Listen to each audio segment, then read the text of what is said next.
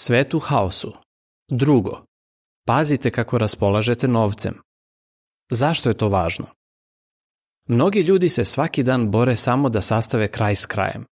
A kada svet zahvati neka kriza, zarađivanje za život može postati još teže. Zašto? Kada nastupi kriza, poskupljuje hrana i povećavaju se troškovi života. Stopa nezaposlenosti raste, a plate se smanjuju. Prirodne katastrofe mogu oštetiti ili uništiti ljudima poslovne objekte, kuće ili druga sredstva za život, ostavljajući ih na prosjačkom štapu. Šta treba da znate?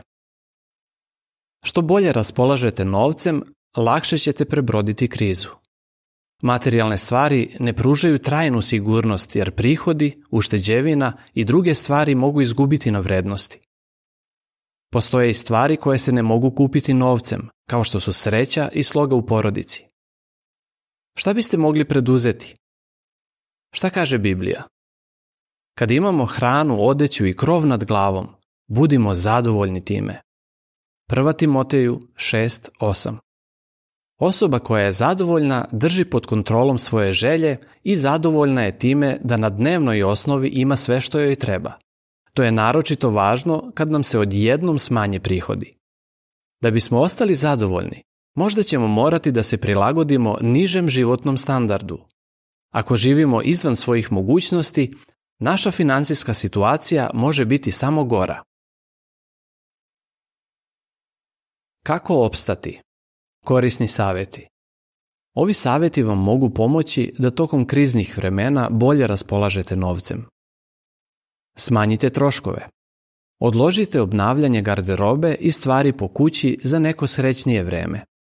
Razmislite o sljedećim pitanjima. Da li bih mogao da funkcionišem i bez kola? Da li bih mogao da posadim neko povrće u svojoj bašti? Pre nego što nešto kupite, pitajte se. Da li mi to stvarno treba? Mogu li to sebi priuštiti? Ako ispunjavate uslove da primite pomoć od države ili neke humanitarne organizacije, prijavite se. Okupili smo se kao porodica i porazgovarali o tome kako trošimo novac. Svaku rekreaciju koja se plaća otkazali smo ili sveli na minimum. Također smo počeli da spremamo obroke koji su jeftiniji. Gift. Napravite plan potrošnje. Šta kaže Biblija? Planovi marljivog čoveka sigurno će uspeti, a ko je brzoplet, sigurno srlja u oskudicu. Poslovice 21.5 Kada imate plan potrošnje, manje su šanse da vam troškovi premaše primanja. Pre svega, zapišite kolika su vam mesečna primanja.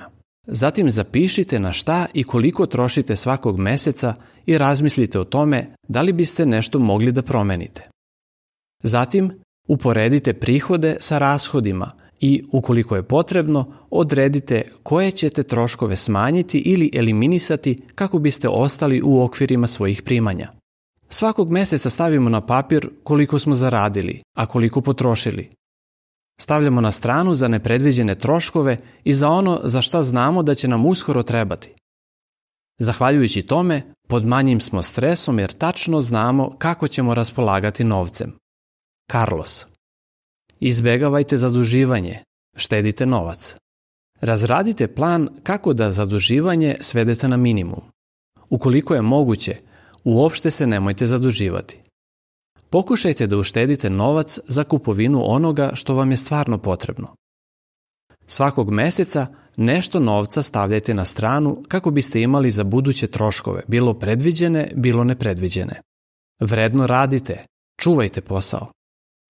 Šta kaže Biblija? Od svakog truda ima neke koristi. Poslovice 14.23 Budite zahvalni što imate posao. Čak i ako nemate posao iz snova, ipak imate prihode od njega. Trudite se da budete vredni i pouzdani.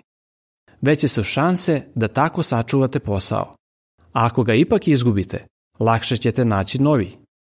Prihvatam poslove koji se nude iako mi se ne sviđaju ili plata nije neka. Savestan sam radnik i uvek radim kao da radim sebi. Dmitrij. Ako tražite posao, preuzmite inicijativu. Idite u firme koje bi mogle imati radno mesto za vas, čak i ako nisu dale oglas da im treba radnik. Recite prijateljima i članovima porodice da tražite posao. Budite prilagodljivi. Teško da ćete naći posao koji ima sve što biste želeli. Saznajte više. Pročitajte članak Kako živeti s manje novca. Ukucajte taj naziv u polje za pretragu na sajtu jw.org. Kraj članka.